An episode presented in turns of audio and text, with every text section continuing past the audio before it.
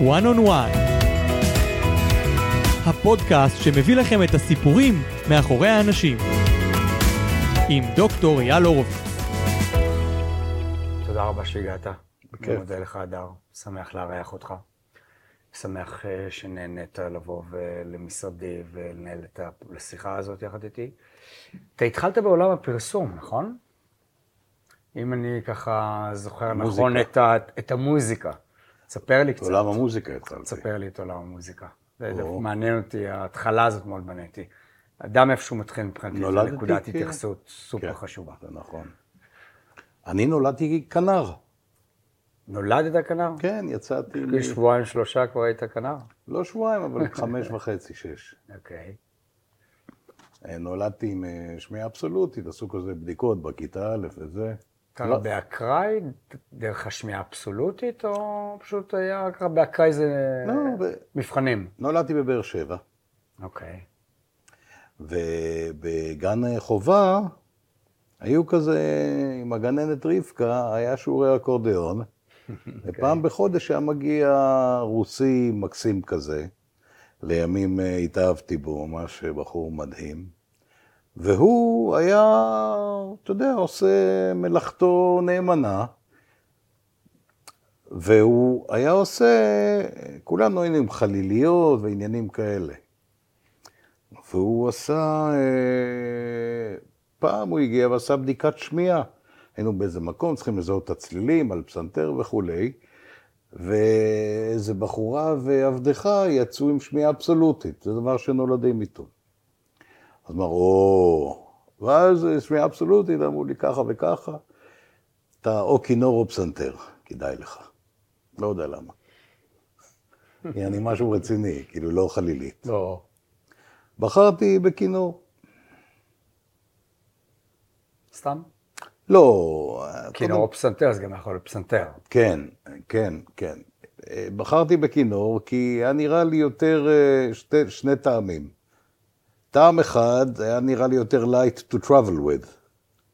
אבל היית מאוד קטן כשקיבלת את ההחלטה הזאת. כן, כבר אבל- אז חשבת כאילו על המונחים האלה? אבל הסיבה היותר אה, משמעותית זה שבת דודתי, אה, דודה, הייתה, הם היו משפחה כזאת, היא הייתה כנרת ועודנה. ואחי. היה צ'לן, כן, כן. כיוונו אותך לשם. כן, כן, כן. אז בחרתי בכינור. אז משם התחלת. כן, אתה זוכר את זה? בטח, אתה זוכר ממש את הדרך? בטח. מה היה בה? או, או-אה. תראה, אני, אני נולדתי לבית שהיה חרוץ. אז כאילו... איזה בית חרוץ. אבא, אמא, עובדים קשה, כמה משרות. כן, ואין עניין של, אתה יודע, התפנקויות וכאלה. בית צנוע, באר שבע, דירה ענקית, 54 מטרים רבועים ברוטו. כמה, כמה, כמה נפשות? אה, חמישה. חמש. 54 מטר. חמש, ברוטו. כן. אבל לא הרגשנו קטן או משהו, קשה להסביר לך את זה. הרגשתם בית. עם שכונה מדהימה, וואו, איזה שכונה. אתה עוד מגיע לשם? פעם בכמה זמן אני נוסע, פעם בכמה שאני נוסע, מזיל דמעה וחוזר. ממש נוסע כדי אה, כן. לחזור אחורה? עוד הבית קיים? המקום קיים? זה לא בית, בוא, לא, זה בדירות. קיימת. כן, דירה ברור. קיימת, הכל. כן, כן, זה שכונה, שכונה מדהימה. שכל הבני, כל הבתים, בניינים, אתה יודע, בניינים. דמיין הכי מכוער שאתה יכול, כזה. שכונות של פעם. שכונות של פעם, והם היו כמו מעגל, והם היו בפאתי המעגל, כך שהם תחמו בתוכם מגרש משחקים גדול.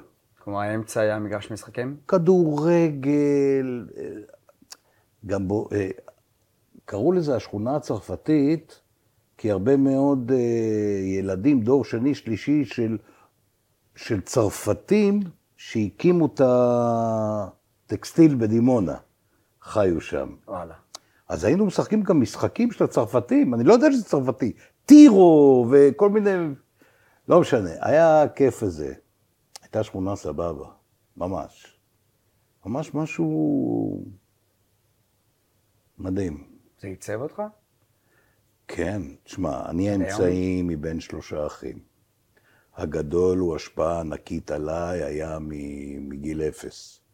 ותמיד הייתי עם החברים שלו. כי אתה יודע, הוא עשה עליי, הוא שומר עליי, הוא חתום עליי. ברור. אז כן, זו הייתה שכונה מאוד מיוחדת, מאוד. אז מגיל מאוד קטן היית מכאן. כנר.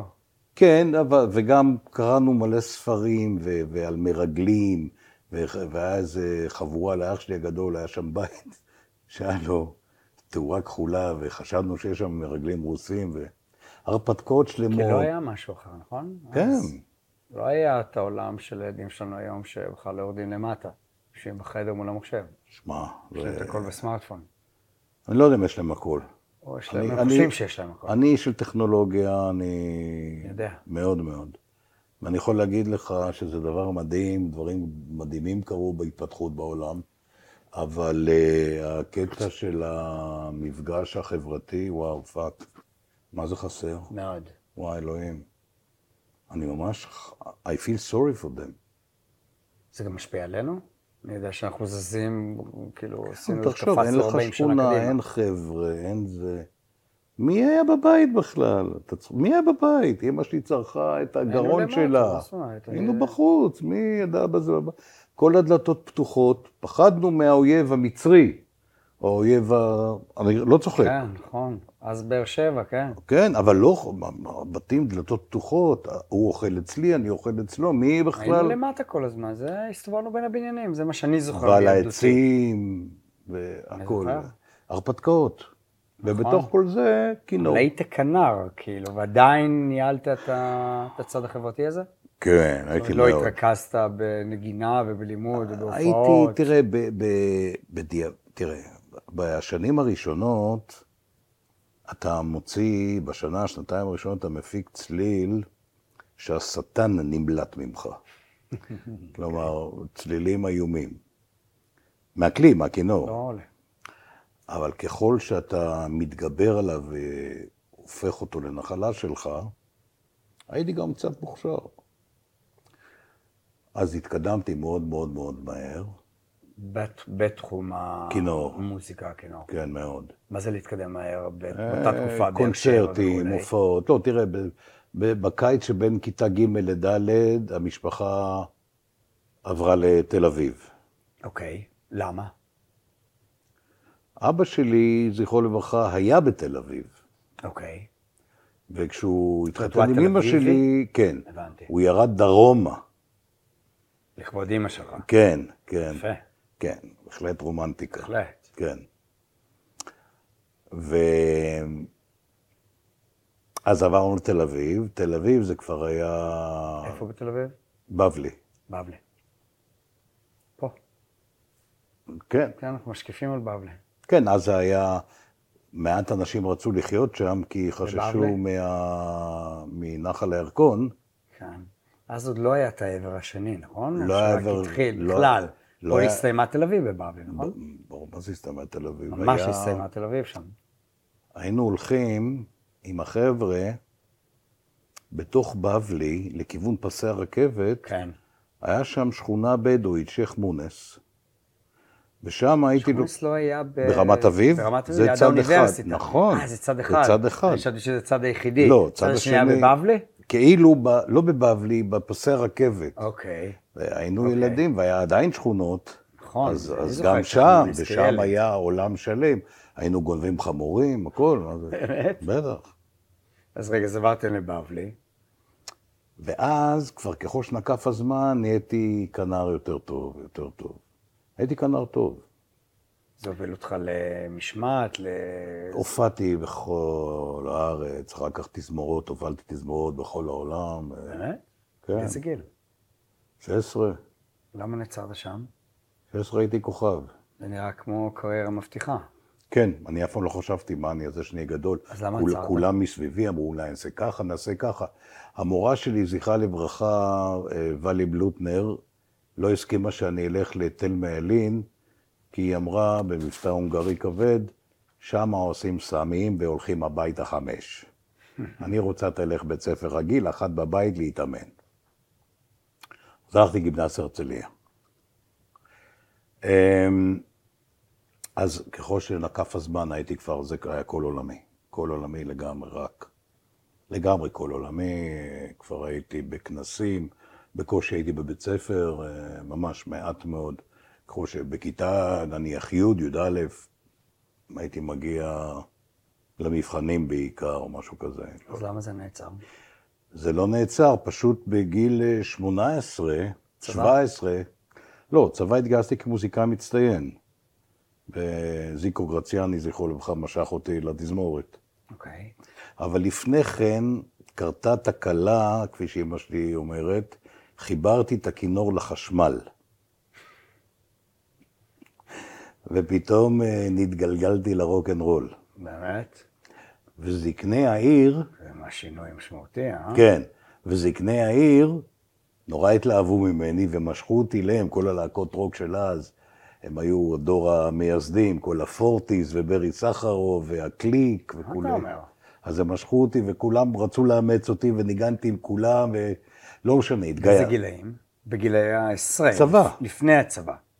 לא, 17, שמונה- 17 וחצי פינת 18, בגיל 18 וקצת התגייסתי, לא סבלתי את התזמורת, את תזמורת צה"ל, ניגנו מרשים כאלה ומוזיקה איומה. של גרציאני דאז. כן, לא, לא באשמתו, זה תפקיד התזמורת, הוא על הכיפאק. ו... איזה שם זה זיקו גרציאני, אני אפילו זוכר אותו מה אתה צוחק עליו? שם גדול. מה זה בחור, איזה בן אדם. כן, כן. מדהים. אפילו אני זוכר אותו לפני הרבה שנים. אה, זה... לא, זה אני דור. לא לא בטוח כמה אנשים היום מכירים אותו. לא, הוא הלך לעולמו לי מזמן כבר גם, אל. תשכח. אני יודע. אבל טוב, זה דור של נפילים, חבל אה, לדבר. מה שנקרא, וזר לא יבין זאת. נכון. מה, הייתה לי את הזכות לעבוד עם כל המנצחים אז, עם שלום רונל ריקליס, ניגנתי סולו, מלא עם התזמורות, עם אה, אהרון חרל"פ, ייבדל לחיים ארוכים, מנדי רודן, זכרו לברכה, נועם שריף, זכרו לברכה. באמת דור של נפילים. מה זה נפילים? הייתי מגיע... רועד. מה זה רועד? הייתי מגיע, נכנס, שותה מים, עושה לעצמי מים על הפנים, שם... אנשים... אה, גדולים.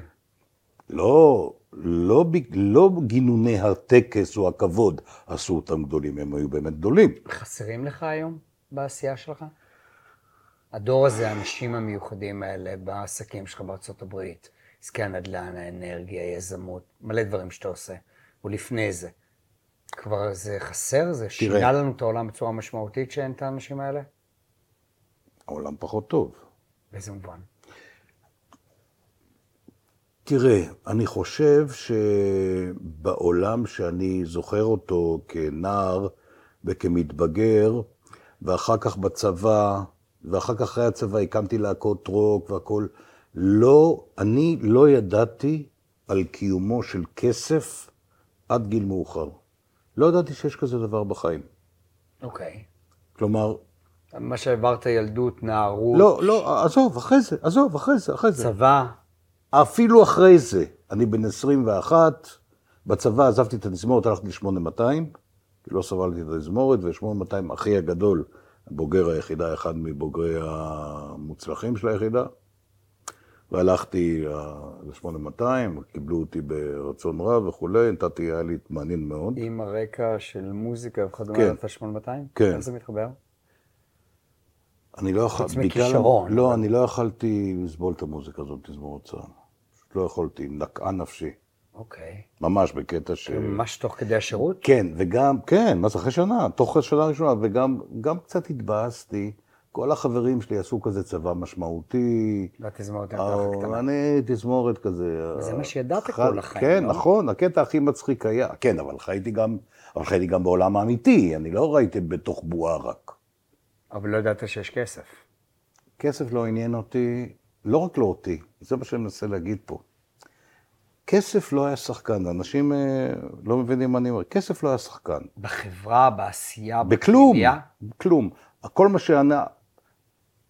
אני הלכתי לישון מאושר או עצוב לפי איך יצא השיר באולפן באותו יום. נקודה. איך הייתה החזרה באותו יום, איך תהיה ההופעה מחרתיים וכולי. לא, לא היה אבל אתה יודע, דרך שגם היום אומרים שכסף לא קונה אושר, זאת אומרת, זה לא השתנה. לא, זה ברור שלא קונה אושר, אבל כסף לא היה מדד. הוא לא היה, לא היה... זה היה בסקאלה החברתית בכלל. אני, אני לא נתקלתי בזה עד גיל מאוד מאוחר. מאוד מאוחר. מתי נתקלת בזה פעם ראשונה?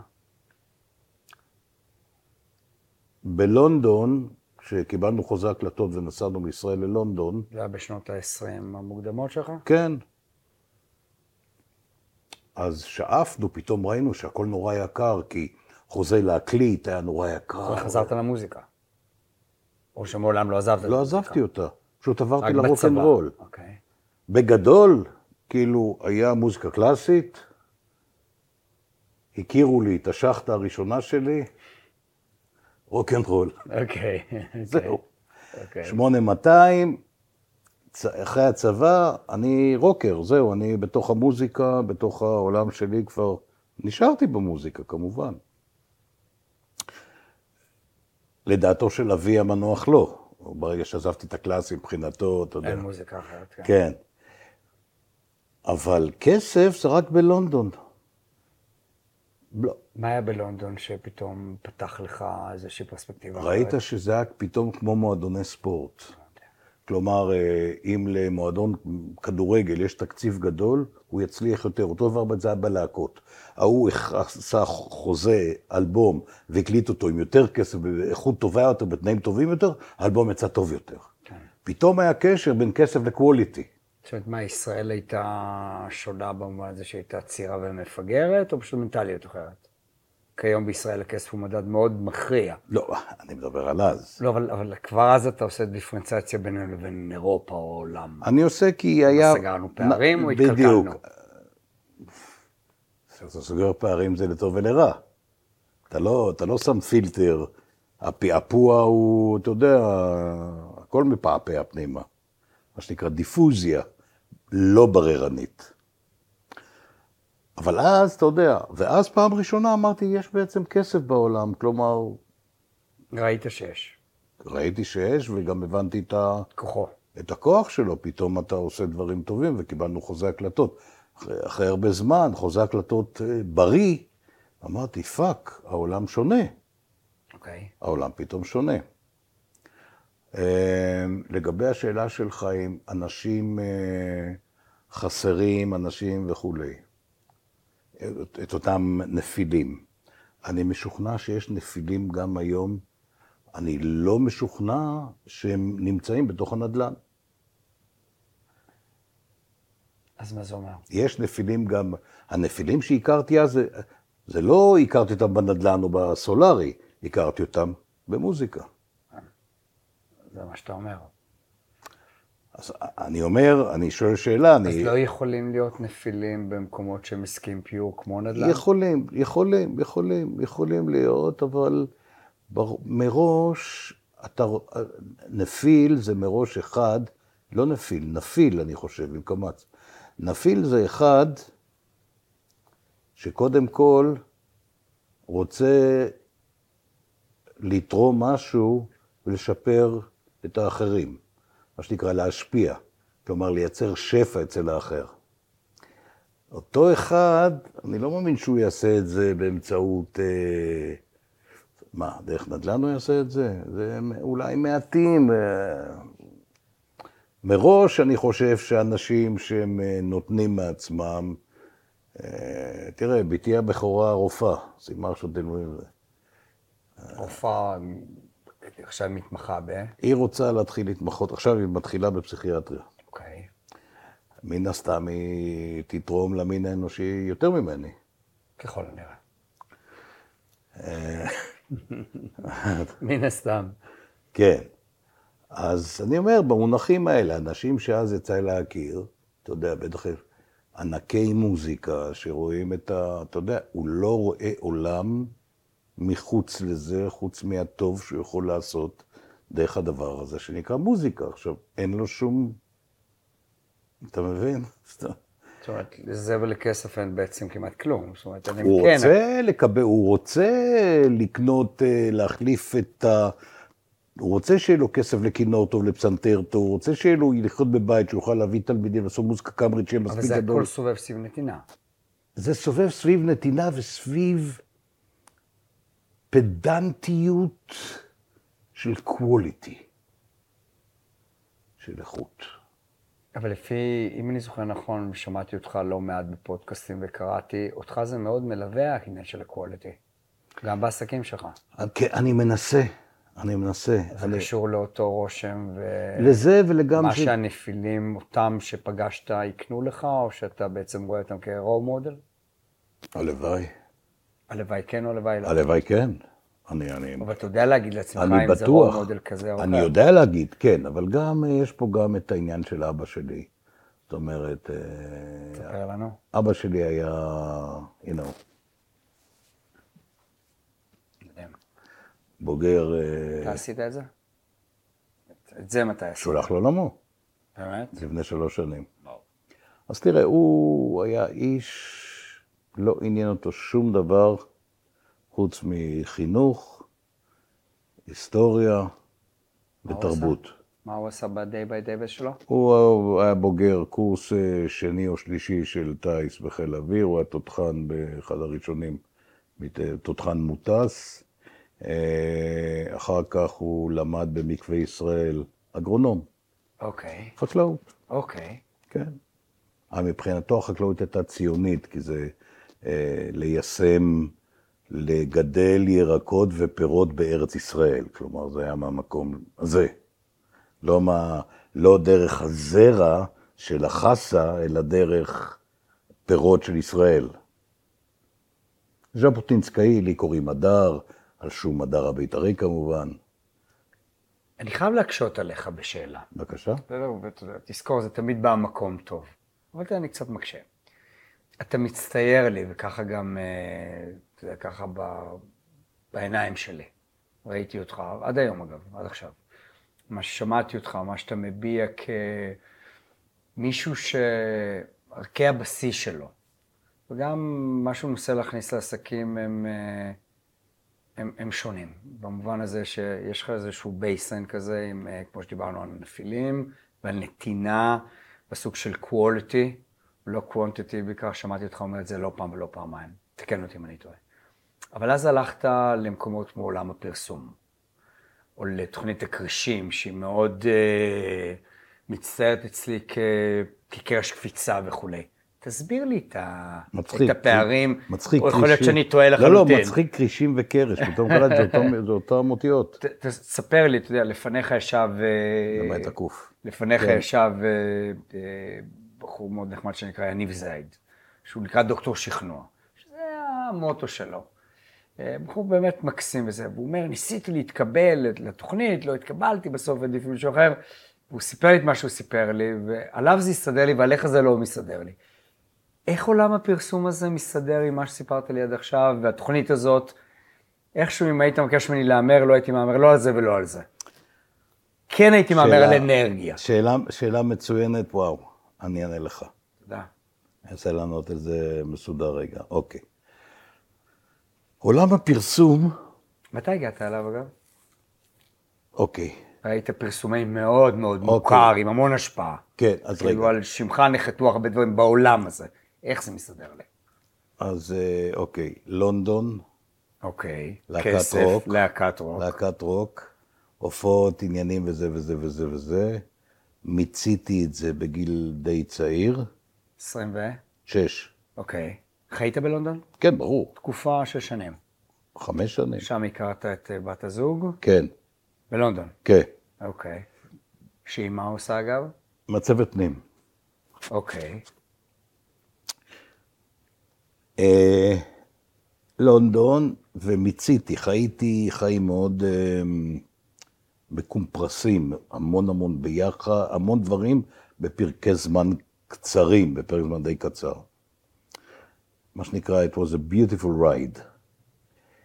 ואז הפרסום בעולם היה דבר שעבורי היה הגשר כי הוא גם אומנות, קריאייטיב וכולי, והוא גם עסקים. כלומר, הפרסום היה איזושהי, איזשהו גשר, אם אתה רוצה, או איזושהי פשרה הבנתי. בין העולמות. וכשהגעתי, התחלתי עם הפרסום, התחלתי... ממש ראית בזה התייחס לזה כאלומנות? תראה, סוג ב- של- בתקופה הזו היה כינור קריאייטיב, כן, כן, כן, בטח. סוג של מוזיקה עסקית? כן, אז הפרסום היה בהחלט כזה, בטח. ארט דירקטורים הכי טובים. ספר לי קצת על זה, זה לא בטוח אז היא- שצעירים כבר מתחברים ויודעים נכון. על העולם הענק הזה שהיה. אז אריאלי, פרסום אריאלי היה משרד גדול בישראל, התחלתי בו כסטאז'ר, התקדמתי מהר וככה וזה. ממש חזרת מלונדון? כן. חזרתי בלונדון כי אה, בתנו הראשונה, הבכורה, נולדה, ואשתי אמרה לי, חכה רגע אחד, אני רוצה שנייה אחת פה לקפוץ רגע רק ללדת וזה.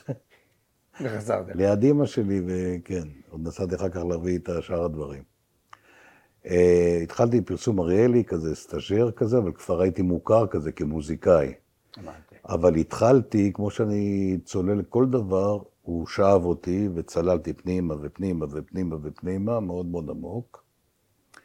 וב... הייתה בחירה מושכלת להגיע לשם, או שככה על הדרך?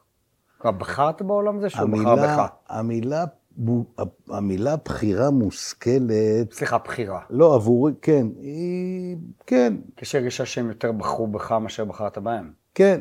אני גם יודע להסביר למה. כן, אני די, כן, זה נכון. כי אבל- אתה אמרת, זה קשור לאומנות, היית נכון. אומן מאוד ידוע, שם, כן. חיפשו שמות, בחרו כן, בך. אבל אני הייתי אפס. הייתי אז ב... ב, ב לא ידעתי כלום על פרסום. כלום, כלום, כלום. אוקיי. אה, יכול להיות שמישהו שם אמר, אני יודע מי זה, רביב יצחקי, אמר, אה, יש לו הכנה למזגן, אבל אה. מזגן לא היה. מה, הייתי צריך מאפס. ואז אה, צללתי פנימה והתקדמתי מהר ועשיתי דברים יפים. תן לי דוגמה למשל של משהו שהרגשת שהוא יפה. או, הרבה דברים עשיתי. אה, הדברים היותר מיוחדים שעשיתי, זה לא במסגרת פרסום אריאלי, אלא זה כשיצאתי לעצמאות. ועשיתי את הפירמה שלי ביחד עם אילון זרמון, פרסום זרמון גולדמן.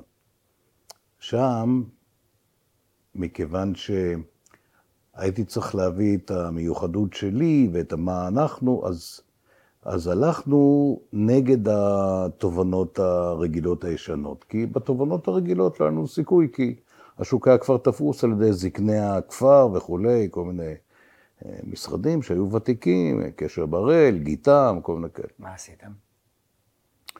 המשרדים הוותיקים הגדולים דיברו על אה, בוא נדבר למיינסטרים, בוא נדבר לכולם. כשנדבר לכולם, אתה חייב תקציבי פרסום מאוד גדולים, אחרת זה נבלע, כי זה נורא, זה מסרים משעממים בה. ואני חשבתי ששני דברים. אחד, פרסום חייב להיות מעניין. קודם כל הוא חייב להיות מעניין.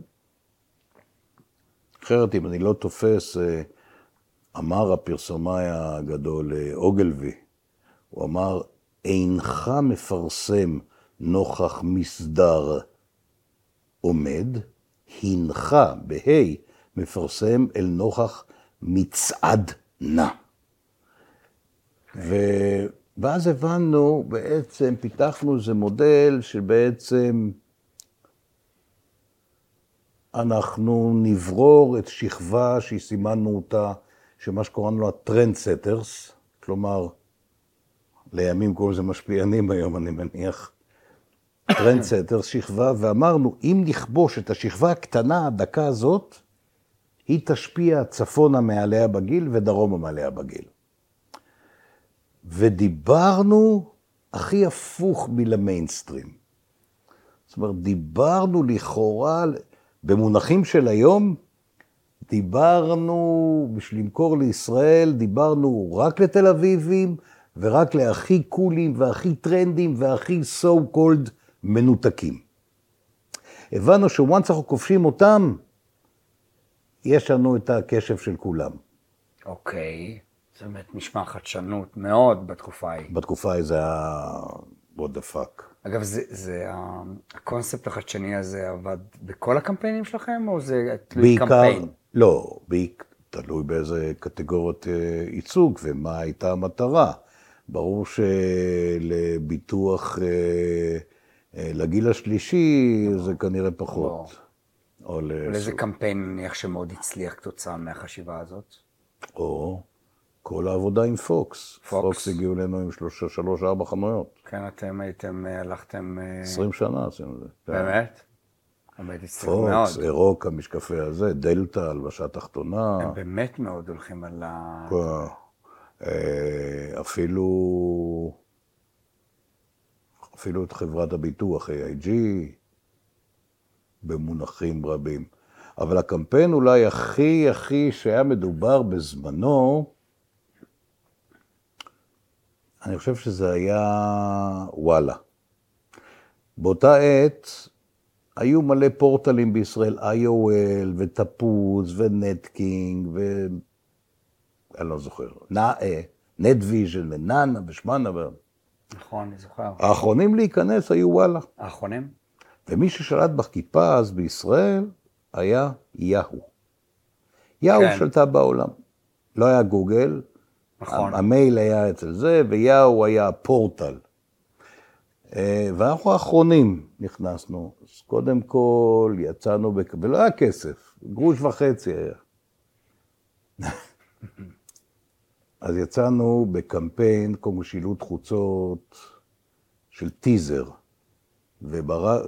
שקראנו לו וואלה הוא אכבר. זה היה גם בין מלחמות ופיגועים איזה? ועניינים. 99. וואלה. וואלה הוא אכבר, יפה. עכשיו ברדיו, בכל הרדיו, בג'ינגלים, זה היה כמו מהמסגד, הקלטנו את זה במסגדים. וואלה, אוקיי. הוא אכבר. כשבעצם, ה... והפתרון, זה היה טיזר על השילוט חוצות, הפתרון היה, אחרי וואלה הוא אכבר, ידבח אליהו. אליהו. יאו, את הפורטל הזה. הרעש שזה עשה בישראל לא היה חדשות, לא היה... לא היה, לא יודע מה, אפילו- לא יודע, אני לא יודע מה להגיד לך, המדינה רעשה, ופתאום עשינו שני דברים אסטרטגיים. אחד, נלחמנו בבעל הבית. יצאנו לקרב אגרוף מול יאו. יאו. עכשיו, אם, ידענו שתפסיד לו בהתחלה, אבל אם אתה עולה לגמר, לגמר מול חגורת הזהב, אתה-. אתה מפסיד, קודם כל אתה מעל כל הישראלים הקטנים. אחר חזק. אחר כך סימנו את ידיעות אחרונות, את העיתון. קנינו עמודים בידיעות אחרונות, וכתבנו שם, שהשקנו את החדשות. כל העמוד היה דג מסריח כזה, רוצה לעטוף דגים, קנה ידיעות אחרונות. בידיעות אחרונות? כן, רוצה חדש. ואז הם לא הסכימו שנפרסם שם, לקחנו אותם לבג"ץ.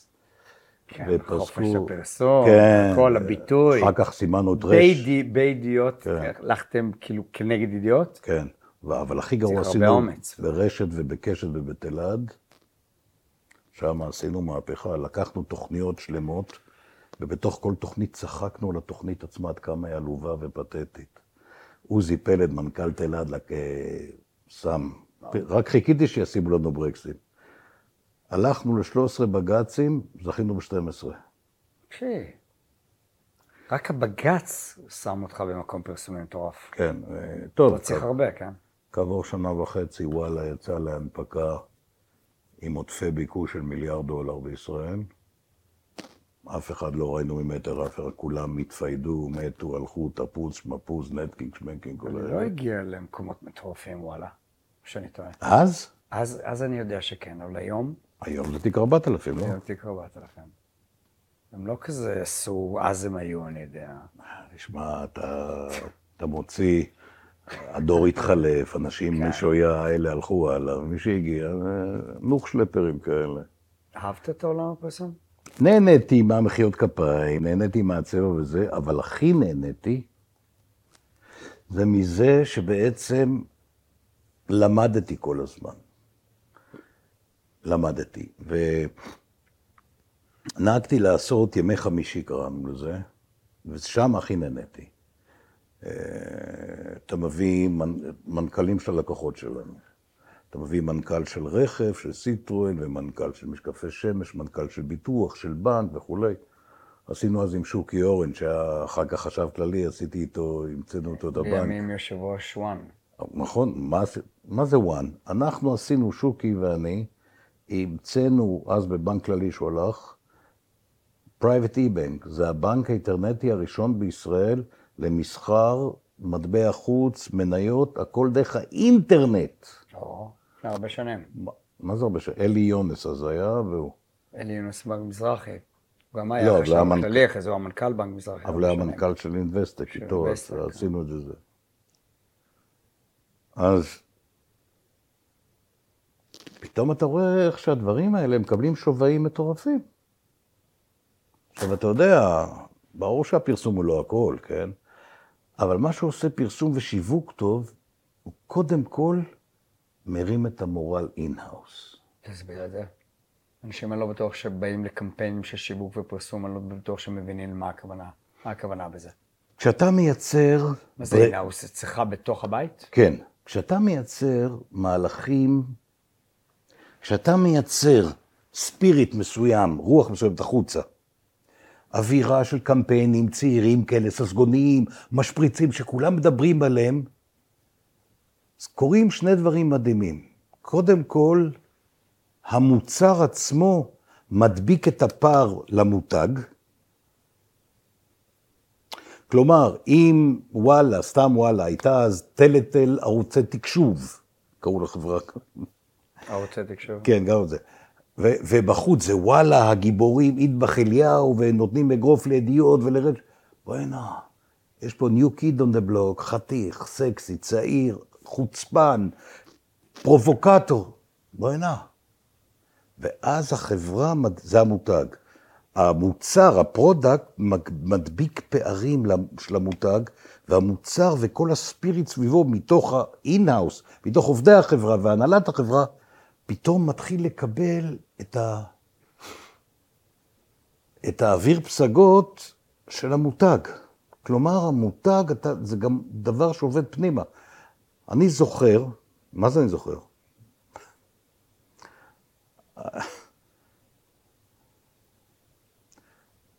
היינו ב... הייתה לנו אז איזה קמפיין כבר פסיכי, שכבר לא ידענו what the fuck is going on. זו הייתה תקופה... אה, מייקרוסופט, ווינדוס, כל מי שקנה מייקרוסופט, אוטומטית ב default נפתח לו פורטל של MSN. אני חוזר. כל מי שהיה לו ווינדוס. שזה רק כל העולם, נפתח לו MSN. זה כוח. מה זה כוח?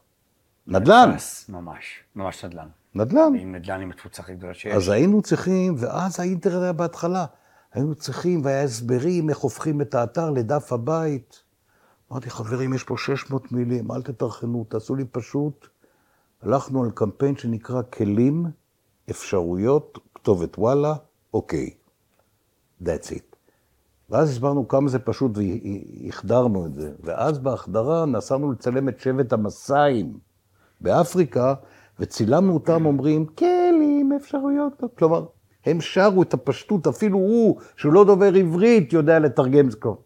וככה נלחמנו על הנדלן הזה. אחר כך היה קמפיין זה של... באמת חתיכת נדל"ן. כן, כן, אבל מחקנו אותם, השמדנו אותם.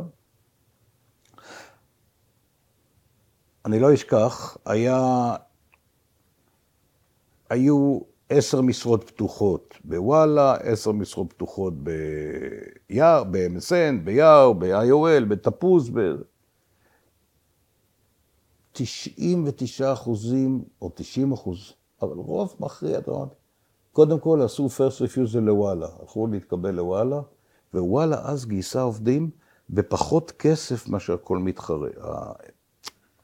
אותו כנ"ל בפוקס, אחר כך אותו זה, זה אותו דבר. זאת, אז לשאלתך, לא, אבל בעיקר בקטגוריות כמו אופנה ולייפסטייל, שעם איזה מותג אני רוצה להתחבר ולהזדהות, תראה, אה,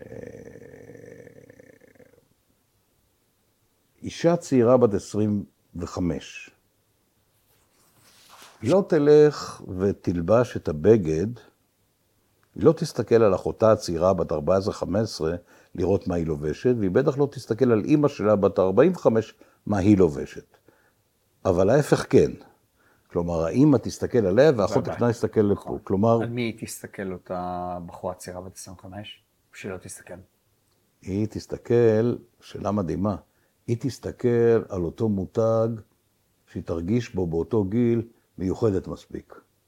כלומר, בהנחה ואנחנו עדר של אינדיבידואליסטים, פה נכנסים המשפיענים? כן, עכשיו, ב... מה שעניין אותי זה אותם ימי חמישי, כי היינו יושבים שולחן. היינו מביאים כיבודים ושתייה וסבבה וצחוקים, יום חמישי ערב. עכשיו, אתה פתאום, אני, כל שעניין אותי, לא עניין אותי כבר הפרסום אחרי כמה שנים, עניין אותי איך המנכ"ל מסתכל על החברה שלו ועם הבעיות שהוא מתמודד, המנכ"ל שהוא הלקוח שלי. בתוכו? חברה בתוכו? כל אחת מהלקוחות בתוכו. אוקיי. וגם הייתי, הפכתי להיות עם הזמן יועץ של אותו מנכ"ל את כל הצרכים שלו, עד כדי כך שכבר קצתי בחיי. וואלה. קצתי בחיי ממש. אבל זה מה שעניין אותי. כלומר, העניין עצמו עניין אותי. הבנתי. כי זה לא פרסום. הפרסום אף התחיל פחות פחות לעניין אותי. ואז יותר עניין אותך מה קורה בתוך אותן החברות? בתוך חברות, סוג אחר בכלל המהות. ה product, ולכן, בדיוק, ולכן המוצא, הפרסום בדיעבד היה עבורי גשר. איך זה קרה? זאת אומרת, בעצם, בוא, בוא נסכם דקה. כלומר, קודם כל אני מבין. אתה אומר שהפרסום היה בין, אצלך גשר בין האומנות לעשייה. נכון. אוקיי, אז עשית איזושהי תקופה, ובעצם זה מה שהוביל אותך לעשייה. והעשייה התחילה בזה שהסתכלת לתוך? החברות. כן. לתוך החברות. כן, ומה אני- קרה משם? משם אני גם התחלתי להבין את, ה... את, ה... את עולם העשייה? את עולם העשייה במובן של מה לא לעשות ומה כן לעשות. כלומר, תראה, לא מעניין אותי שום דבר שאין לי מה לתת לו my way. אם אני לא יודע לתקן שם משהו, להפוך אותו למעניין עבורי ולתקן שם משהו, אם אין לי משהו לתקן שם, לא מעניין אותי. תעצור. אתה אומר שהמפתח להצלחה בעיניים שלך, הוא מפתח לאושר, הוא מפתח למצוינות. הוא רק אם אתה יודע להסתכל על העניין באותה רמת נתינה שדיברנו על הנפילים? כזה סוג של, אולי בקטן. בקטנה... זה סוג של. כן. כי אתה אומר, אני לא אכנס, נניח שיש לך מחר הזדמנות, לדבריך, לעשות ים של כסף, אבל אתה לא יכול לתת בו כלום מעצמך. עדיין אתה יכול לעשות ים של כסף. זה לא אני- תיכנס או לא? אני, העובדה שלא נכנסתי. ואני יכול להגיד לך בוודאות שלא. תספר לי איפה לא למה? נכנסת. כי זה משעמם. או, אתה צוחק עליי. איפה לא נכנסתי? אני רציני לחלוטין. איפה לא נכנסת? וואו. תספר לי מקרים, אתה לא יכול, אני אשמח שתפתח את הכל, אבל אתה לא חייב לתת לי שמות. תספר לי מקרים שאמרו לך, בוא תיכנס, לא נכנסת. היו הזדמנויות בישראל שביקשו שאני אצטרף... אה, כמה? כאחד הבעלים, אוקיי. שותף. אה, תמורת להיות בבורד ולנווט את ה... ולא ראיתי שיש לי משהו לתת באותה קטגוריה, ואמרתי לא תודה, וזה היה המון כסף. אחד מהם הרבה מאוד כסף. לא ראיתי שאני יכול לעשות משהו, גם לא ראיתי שבקונסטלציה, עם כל כך הרבה זה, לא ראיתי איך אני יכול לתת, ו... תראה, ברוב הדברים בעולם אני לא נמצא. מן הסתם. והעולם, אבל- מס... והעולם מסתדר. אבל בעצם מה שאתה אומר זה שלהבנתך, או בדרך שאתה עשית, ה- היכולת באמת לעשות דברים טובים קשורים גם בפשן האישי שלך?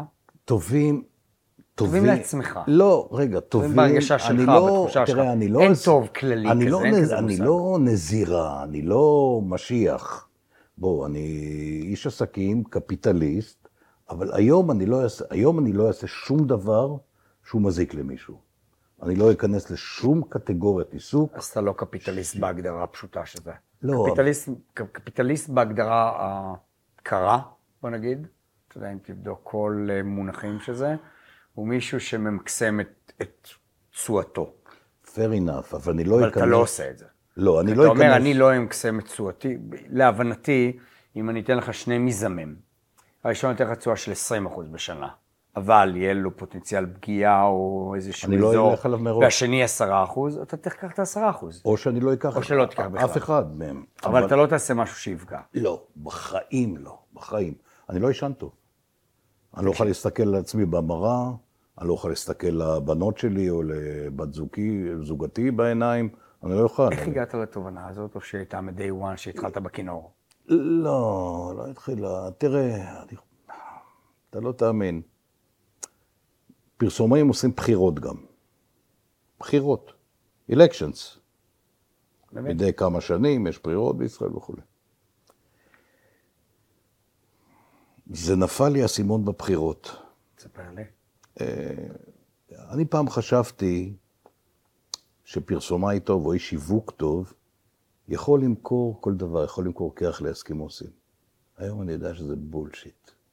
איש שיווק טוב מוכר משהו שהוא מאמין בו. אחרת, אתה, אתה לא איש שיווק טוב. אתה לא איש שיווק טוב, טוב איש, זה אחד שיודע למכור הכל לאסקימוסים, זה רמה, איש שיווק טוב זה מישהו זה רמה שבאמת, בסיסית, זה רמה בסיסית. קודם כל מאוד מאוד מאמין בו, ואחרי זה כל השאר. כן. זה מעניין. אשתי צחקה עליי כל השנים, עד היום, הבית שלנו, עד עצם, אני נשבע לך, איפה אתם גרים? בסביון. עד היום, הבית שלנו הוא לעולם, לעולם, אך ורק בלקוחות שטיפלתי ב- לפני מיליון שנים, ואין לי להם שום... באמת? נשבע. וואו. וגם, אני לא אעשה רע, למשל, הנה עכשיו, שמע טוב, לפני שנ... לא, של... שנתיים, הציעו לנו עסקה בשותפות עם חברת גז טבעי, כלומר, חברה מלוכלכת, זה פה המציאו את המושג, זה גז טבעי, זה אחלה שיווק, בקליפורניה. בקליפורניה, גז טבעי, אתה יודע, זה אחד למיליארד, זה... קליפורניה זה המקום הכי נקי בעולם. כן. להיכנס, תשואה בעסקה, IRR, אתה שומע? 38 אחוזים. אני ביקשתי לבדוק את זה כמה פעמים. מה זה אין דברים? זה, זה כאילו נשמע כמו... זה ב- בעולם, בעולם, כמו תח- שוק שחור. בעולם תחתון אין את זה. כן, ממש. נשמע כמו שוק שחור. כן. כן. 38 אחוז? IRR, כן, עסקה ל-20 שנה. כי החוזים באנרגיה הם בדרך כלל ארוכים. זה נקרא PPA, Power Purchase Agreement. בדקתי, בדקתי, בדקתי. בסוף, מצפונית, לא יכולתי לאשר את זה, ירדנו מזה. למרות... עם ה- האנשים שענו זה בקליפורניה. כמעט כמו להדפיס כסף. זה כמעט כמו להדפיס כסף, בלי, על- בלי עלויות של של הדיו. שזה לא להאמין. כן. זה נשמע כמו, אתה יודע, מדע בדיוני. כן. ואמרת לא. כן. ככה? לא, בדקנו את זה, טוב, אחרי שבדקנו, התלבט- בדקנו, בדקנו, אמרת לא, התלבטתי, כי... והלכתי, הצעת, והתייעצתי עם השותפים שלי, ולמה בסוף באמת אמרת? כי זה לא? מלוכלך. לא הגיוני. אז, אז המצאתי לעצמי תירוצים להגיד לבורד למה לא. אז המצאתי תירוצים, אז אמרתי, למרות שהבורד הוא נקי, היה מספיק להגיד לו זה, אבל הרגשתי שאני צריך להביא סיבות יותר, אז, אז פה השתמשתי בכישורי השיווק שלי, ואמרתי, אה, זה מסוכן, חברה מלוכלכת בתוך קליפורניה, ובבא. תשמע את השאלה המעצבנת הבאה שלי. האם אתה היום מרשה לעצמך להגיד לא, כי אתה כבר גר בסביון וכבר עשית וכולי, או שגם אמרת לא בגיל 24? ברור שבגיל 24 אתה יודע פחות ממה שאתה יודע היום. עזוב ידע. לא, לא. משהו במצפן הפנימי. לא, זה לא- האם קל לנו להגיד לא? תשמע. בפוזיציות שאלה- של מלוכלכות, אנחנו כבר היום well כן. established שיש לנו הרבה לא, מה להפסיד, היום- או לא. האם אנחנו גם נגיד לא, שאנחנו רעבים, ואנחנו צריכים להיות מטרנה, ואנחנו חיים בשכירות, ואנחנו רוצים לחתן את הילדים. אני אדם- איפה זה, איפה הקו הזה? אני אדם של קרמה. אני אדם מאמין. אני אדם שלא לא, לא רואה ברכה בשום עוול. בטח לא במודע. אני לא חושב שיש ברכה בעוול. You will get fucked. עזוב, אני מדבר איתך מתמט... פיזיקה. אני לא מדבר איתך עכשיו אה, לב או מצפון או מוסר. You will get fucked. אתה תדפק מזה. חלק מהדפיקה אתה יודע לראות עכשיו, חלק אתה לא יודע לראות, אבל אתה תדפק מזה. אין ברכה. מה יותר פשוט? אין בזה ברכה. אתה שותה כוס מים, אתה, אתה מברך על המים שאתה שותה. למה אני צריך עכשיו לעשות עוול למישהו ועוד לחשוב שאני יכול ליהנות מזה. זה כמו לשווק משהו שאתה לא מאמין בו, זה אותו, נכון? אותו מוטו. אז עכשיו, מתי זה התחיל לי? בבחירות. בבחירות. לשווק משהו שאתה לא מאמין בו, מנהיג או מפלגה שאתה לא מאמין בצדקת דרכה, שם קיבלתי את זה פעם ראשונה. שהתחלתי, שאז ראיתי, תראה, משקפי שמש, משקפי זה, זובי, מותג כזה אחר, עזוב, who gives a flying fuck. נכון. אבל מפלגה, אתה יודע, זה כבר דבר מתחום ה-value, מתחום הערך. איך כל זה מתחבר, אה, אתה יודע, בפועלך היום, ככל שאני מכיר אותו? אתה משמעותי מאוד בנדל"ן, overseas, multi family, ארה"ב וכולי, תחום שאני טיפה מכיר, ובאנרגיה. כל מה שעברנו, כל הוקטור המדהים הזה, מתחבר לי מאוד לאנרגיה. איך זה מתחבר לנדל"ן? יפה, מדהים, מדהים, מדהים, אתה גאון. החל מינואר השתעך, כלומר לפני כשישה... החל מינואר עכשיו. לא, שהיה. שהיה? לא, שהיה, 23. נתקת נדל"ן? לא. כל הנדל"ן שלנו, כל הנדל"ן הקודם יוצא למכירה, ואני מקווה שהעסקה תיסגר. עד... כל הפורטפוליו הענק שלך? לא, 90 רובו. אחוז, רובו, וכל הנדל"ן החדש שלנו זה אך ורק נדל"ן שהוא נט זירו. וואלה. כולו, זה נקרא יוטופיה הומס. אבל עדיין עשית איזשהו דרך בנדל"ן, אני קורא לו... נדל"ן היום נדל"ן אני- בלי משמעות. נכון. בעיניים שלך עוד פעם, אני רק אני אתה רק צודק, מקשיב לא, היטב למה צודק, שאתה אומר, אתה מילה צודק, מילה. למרות שאני יכול להגיד לך שפה, בדיעבד, הייתה לו משמע, שתי משמעויות. אחד, למדתי, היום אני יכול להגיד לך, שמעתי, שמעתי את הטרייל, הוא מעניין. תקשיב, אני יכול מדהים. לישון, אני יכול לישון בלילה, לישון, כן, זה אתה מעיר. אותי, אני מנתח לך כל עסקה שאתה רוצה בשלוש דקות, ואני מבקש לך כמה סליחה. שנים היית בתחום, בנדל"ן הישן הזה? לא, לכם? אבל עשיתי גם נדל"ן בישראל. עשית גם עשיתי נדל"ן בישראל? כן, עשיתי הרבה נדל"ן. בתל אביב, עשיתי אה, אה, נכסי ההסתדרות, בברנר ובבלפור, עשיתי שם השבחות, והרבה בגן החשמל. זה לא מסתדר לי עם כל מה ש... כל הדרך שלך, אתה יודע, אני, היום מסתדר לי יותר מה שאתה אומר. זה לא מסתדר לי. מה, זה הפרנסה? איזה? הנדל"ן בישראל, הנדל"ן שהיה, זה היה מה? כל דבר- זה היה אתגר, כל מה היה דבר- שם? יפ- אין אם זה בעיות אה, לא. מוסריות, אבל מה היה שם? אני גם פה יכול לענות לך. יאללה, נורא במודע ונורא בפשטות. רוצה לשמוע. גן החשמל, כן. עבורי, יום אחד, אז, אני, אני מכיר את תל אביב על בוריה. באמת? כן. מאוד מאוד מאוד. מגיל תשע. שבאנו- בבלי. מבב, כן, אבל יצאנו, אתה יודע, מהשכונה. כשאתה פוסע משדרות רוטשילד לרחוב יהודה הלוי, שזה כן. רחוב מקביל לו, כן. מדדתי 60 צעדים, אוקיי. מדודים, אוקיי. לא צעדים של ג'ירפה. אוקיי. מיהודה הלוי לרחוב המקביל, רחוב לבונטין היפהפה, זה יותר חוב יפה. רגע, עוד 40 צעדים, אוקיי. יפה. ברוטשילד עלה אז, תקשיב טוב, 40 אלף שקל למטר, ביהודה הלוי עלה 30, בלוונטין עשרים. היפהפייה, כמה? 15. 12. אמרתי, הפער הזה לא עושה שכל, על 40 ו-60 צעדים, ברור. יפה. ואז מה עשיתי?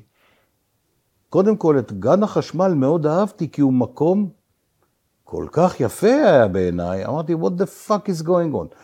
כל הרחוב, שלושת רבעי מכל האזור שם, הוא אדריכלות שאתה יכול להסתכל עליה ולבכות.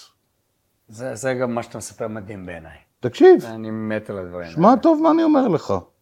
אני מסתכל שמה, ואז עשיתי מה שאני עושה כשאני נדלק. אני קודם נדלק מהאסתטיקה, ואחר כך אני צולל. הלכתי, משכתי ארכייבס, ארכיונים. אתה לא מבין. לכל השכונה הזאת קראו רמת השרון. רמת השרון? רמת השרון, לפני היווסדה של רמת השרון. באמת? בתל אביב שלפני קום המדינה, כמובן. לשכונה בתל אביב קראו רמת השרון? כן. אוקיי, לא היה לי מושג. תקשיב טוב. אוקיי. אני מדבר איתך על התקופה האקלקטית של לפני 110 שנים, אה, 110 שנים. שמע טוב, הבניין הכי יפה שמה, פתאום אני מגלה שזה היה אדריכל בשם אברהם גולדמן. כבר יש לי מחויבות פה. ושמה חייתה השמנה והסולתה, בקמץ קטן, זה מהשם סולת זה מגיע, של תל אביב. כל בעלי המקצועות החופשיים, אתה שומע? הרופא הראשון, וההוא הראשון, וה... ובתוך זה, בניין שאני מסתכל עליו ואני אומר, what the fuck, מאיפה הוא כזה יפה? וחברת ביטוח איטלקיה רכשה את מגדל, הבינה איפה היא הגיעה, ומכרה את מגדל. בכל מקום שהיא מגיעה, היא קונה נכס היסטורי באותה עיר שהיא פועלת. על מנת להיות, זה המוטו שלה. לחברה קראו חברת ג'נרלי. חברת הביטוח האיטלקית. נכון. שקנתה את מגדל ואז... עכשיו אני רואה שם, אני אומר, what the fuck. נכון, ואחרי זה קנו... תקשיב רגע עד הסוף. זה אני קנו. מה שהם קנו בירושלים מכרו גם. אוקיי. תקשיב, עכשיו אני מסתכל על זה, אני אומר, מה זה הדבר היפה הזה? והמחירים אז היו כבר יקרים, והדולר היה 4.9, והמימון היה יקר, ואללה וזה. אני אומר, זה חייב להיות שלי. הלכתי את יצא, קניתי. שילמתי איזה 20-30 אחוז מכל הקומפסים באזור.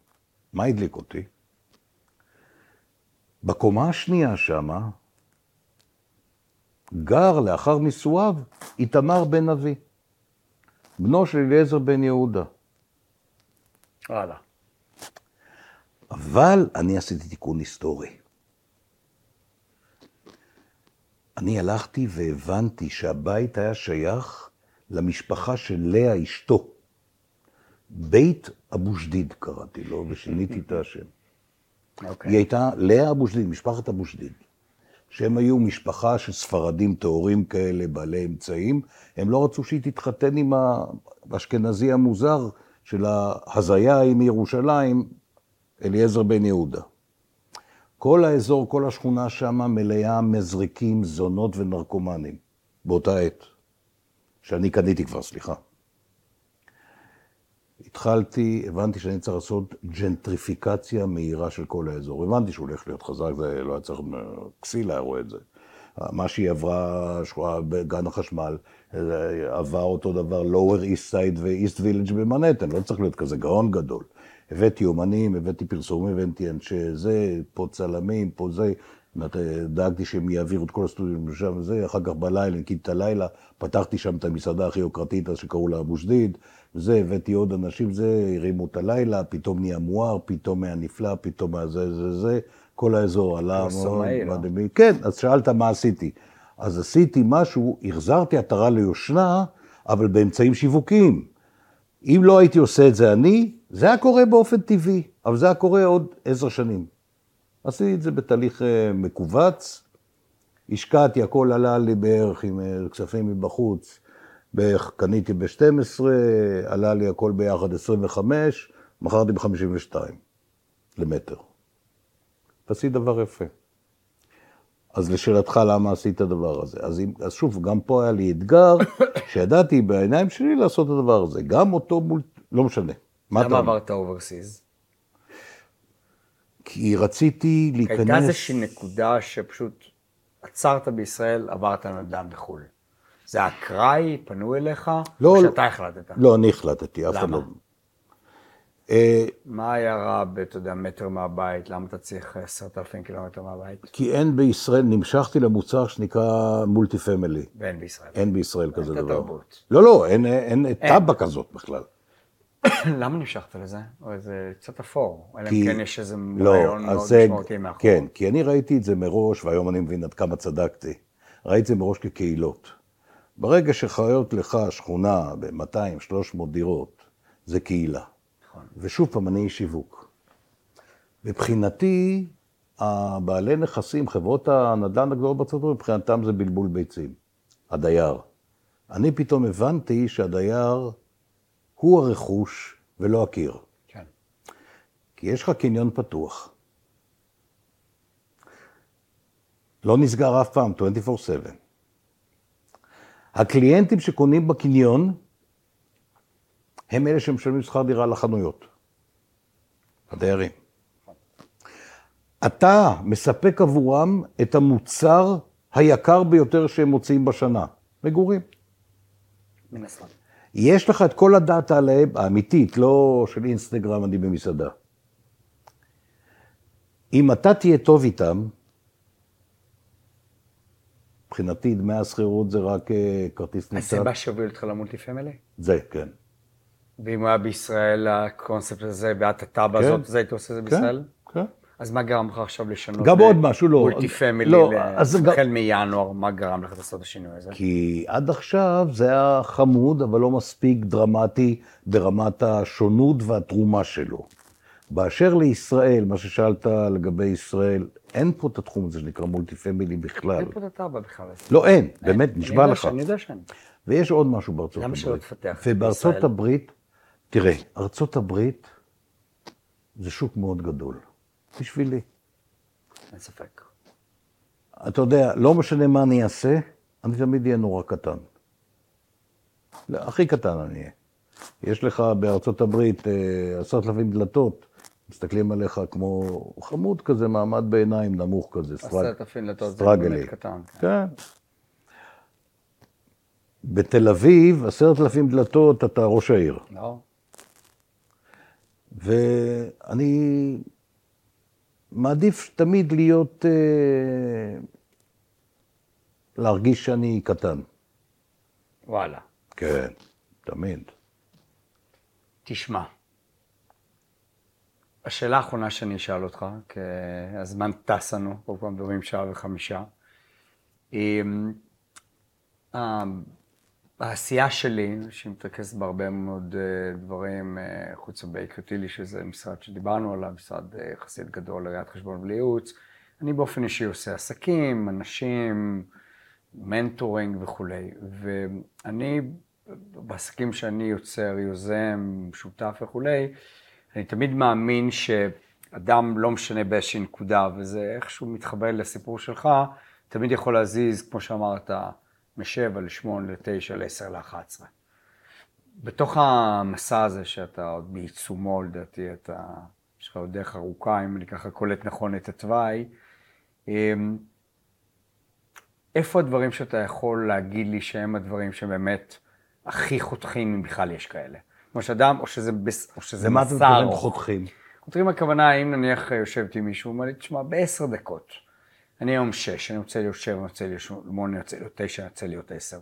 אז שמעתי אותך אומר, קודם כל מאוד תאמין במה שאתה עושה. שתיים, אל תעשה שום דבר שהוא פוגע או שהוא עשוי לפגוע. אני מבין את התורה הזאת, אני גם מאוד מתחבר אליה, גם אני לעצמי. עזוב, אנחנו חיים בתקופה אבל מה כאילו... שהטוב, תשמע אותי, אני לא היפי, לא, אתה לא. באמת שלא. אבל מה כן? חיים בתקופה ש... הטוב עושה כסף ענק. מהמקום הזה אתה גם באנרגיה היום, נכון? זוכר כן, נכון. כן. הטוב עושה כסף ענק? ענק. הרע ענק. לא עושה? לא יכול לעשות יותר? סליחה? הרע לא עושה נקודה. נגמר. אנחנו עדיין שומעים את הקולות של הרע, זה פשוט, זה, זה, כשהם מתים זה עושה רעש. טוב, אתה- טוב הכוונה, מה, בנדל"ן, אם אתה יוצר קהילה שנותנת לאנשים את הכל זה טוב? הקהילה שלו נותנת לאנשים, הקהילה, אני יכול לדבר איתך על המספרים פה. בדקות, כי אני יודע אחי, שזה, אולי נעשה הנדל"ן- פודקאסט המשך. הנדל"ן, הנדל"ן, תראה. כלומר, נדל"ן הוא כבר לא נדל"ן במובן יש- שאנחנו מכרנו אותו פעם, אף פעם הוא נכון? לא היה עבורי. 50 מיליון זאת אומרת, מה היה דירות, נדל"ן עבורך? זה קהילות שאתה זורע X, מקבל 4X. אתה נותן טוב, אתה מקבל אותו לפרצוף. ההפסד הגדול ביותר בנדל"ן... יש את זה, את התפיסה הזאת בישראל ביחס לנדל"ן? כי אני לא- בתחושה... אני לא בקיא בשוק המקומי, ו... לא, אבל היית שם. כלומר, אני- אני אני היום, בהרגשה ישראל, שלי, ישראל היא מדינה שה... מאוד אופורטוניסטית במובן הקבלני, נכון? אופורטוניסטית, כן, כש- כי היא מגיעה מ- ממקום נפשי, פסיכולוגי, של פוסט-טראומה, ולכן הכל חייב להיות קצר וגדול ומהר.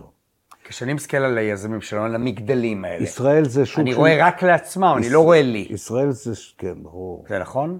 כן, אבל אין פה את הלאג'ורי לעשות את זה מבחינת, זה הכל פוסט-טראומה פה, צריך להבין את האנשים, זה לא ככה. ו... אין פה בכלל את ה mindset. מה שאתה, מה שאתה מדבר היום על multi family, אתה ישראלי, נכון? מ-day one, מבאר שבע, תל אביב, צבא, הכל פה, נכון? ברור. אז זה לא קשור לא רק לפוסט זה. קשור אליך. לא, בסדר, זה אני- קשור מאוד ל mindset, אתה הכי- מדבר אחרת על נדל"ן. אני הכי ישראלי שיש גם, זה לא שאני סתם ישראלי. אתה מדבר מאוד שונה על נדל"ן, תשמע, מהנדל"ניסטים בישראל. שים את, שים את ה... ההפסד הגדול של נדל"ן, היום הם מבינים את זה, ההפסד הגדול של, בנדל"ן, האירוע המשמעותי בנדל"ן, זה כשדייר עוזב, לא משנה מה הסיבה. בארצות הברית, קבל את הנתון הזה, 55 אחוזים מהדיירים עוזבים פעם בשנה. זה אירוע דרמטי. יש נטישה קטנה יותר בגיהנום. 55. חמישה, חמיש, שים לב, זה הממוצע. למה? או, הצעתי לך, אין לך הרבה זמן, אחי, אני יכול לה- לה- להרוג, לה- לסתום, אני יכול לסתום לך, הלוואי שהיה לי, אנחנו כבר חקר, חקר. חקרנו את זה, וזה, הפתרונות איתנו, ברוך השם, אנחנו רואים ברכה בם עלינו, ושני, שם אתה הולך עכשיו? אני שם? אני שם. מה זה אני הולך שם? הפרויקט הראשון ביוסטון מסתיים כבר, והשותפים שלי בפרויקט, בנדלן. מה תהיה הצלחה? תקשיב? מי השותף בנדלן? טסלה. טסלה? טסלה הוא השותף שלי בנדלן, לא באנרגיה, כי? בנדלן. כי? כי הם יודעים איפה השוק נמצא, והם יודעים לאיפה השוק הולך. תשמע, הייתי מאוד שמח להמשיך. אנחנו לא נוכל אף נעשה פודקאסט המשך. אה, אני מאוד מודה לך. תודה לך.